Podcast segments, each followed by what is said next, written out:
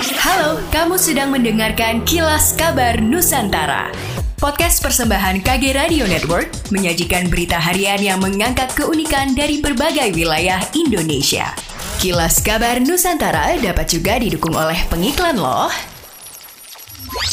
Pasar murah bertajuk Pasar Pelita Ramadan yang digelar pemerintah Provinsi Sulawesi Selatan bekerja sama dengan tim penggerak PKK disambut antusias masyarakat. Hal ini tidak lain dikarenakan harga bahan pokok pada pasar murah tersebut terbilang sangat terjangkau. Di antaranya minyak kita yang dibanderol hanya Rp13.000 per liter atau di bawah harga eceran tertinggi HET sebesar Rp14.000. Namun pembelian minyak kita dibatasi hanya 2 liter per orang per hari sesuai aturan Kementerian Perdagangan. Ada pula telur ayam dijual 47.000 per rak, padahal harga telur saat ini di pasaran sudah menyentuh angka 50.000. Endang, salah seorang pengunjung, mengatakan dirinya tidak ingin melewatkan kesempatan berbelanja di pasar murah. Selain harganya terjangkau, bahan pokok yang ia butuhkan juga seluruhnya tersedia.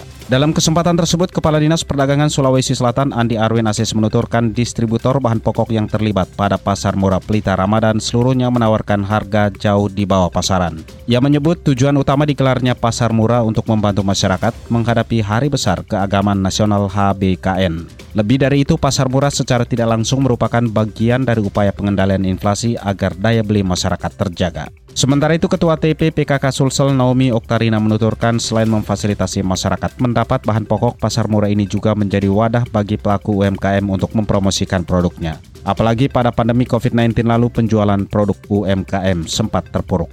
Penertiban gelandangan dan pengemis yang membludak selama bulan Ramadan mendapatkan respon positif dari banyak kalangan, terutama di kota Banjarmasin yang jumlahnya terpantau meningkat seiring dengan dekatnya Idul Fitri. Anggota DPRD Kalimantan Selatan Suripno Sumas menuturkan, penertiban yang dilakukan pemerintah kota Banjarmasin lewat Satpol PP sudah sangat maksimal, meskipun tak sedikit dari mereka yang terjaring justru kembali lagi ke jalanan untuk meminta-minta. Ia menambahkan sifat tidak tegaan yang dimiliki masyarakat Kalimantan Selatan menjadi salah satu penyebab maraknya gelandangan pengemis, khususnya di kawasan permukiman dan pusat pusat keramaian. Ditambah dengan semangat berbagi yang meningkat di bulan Ramadan, yang dimanfaatkan oknum gelandangan dan pengemis untuk mencari keuntungan. PT Angkasa Pura I Bandara Samratulangi Manado terus berupaya menunjang sektor pariwisata di Sulawesi Utara. Minggus Gande Guai JM Angkasa Pura I Bandara Samratulangi Manado mengatakan, dalam upaya itu, pihaknya terus menjalin komunikasi dengan maskapai-maskapai untuk membuka jalur penerbangan maupun menambah flight dari berbagai daerah yang ada di Indonesia. Indonesia. Yang terbaru penerbangan rute Balikpapan Manado baru saja dibuka, di mana rute tersebut dinilai Minggus sebagai rute yang baik terlihat dari sisi okupansi pada penerbangan perdana.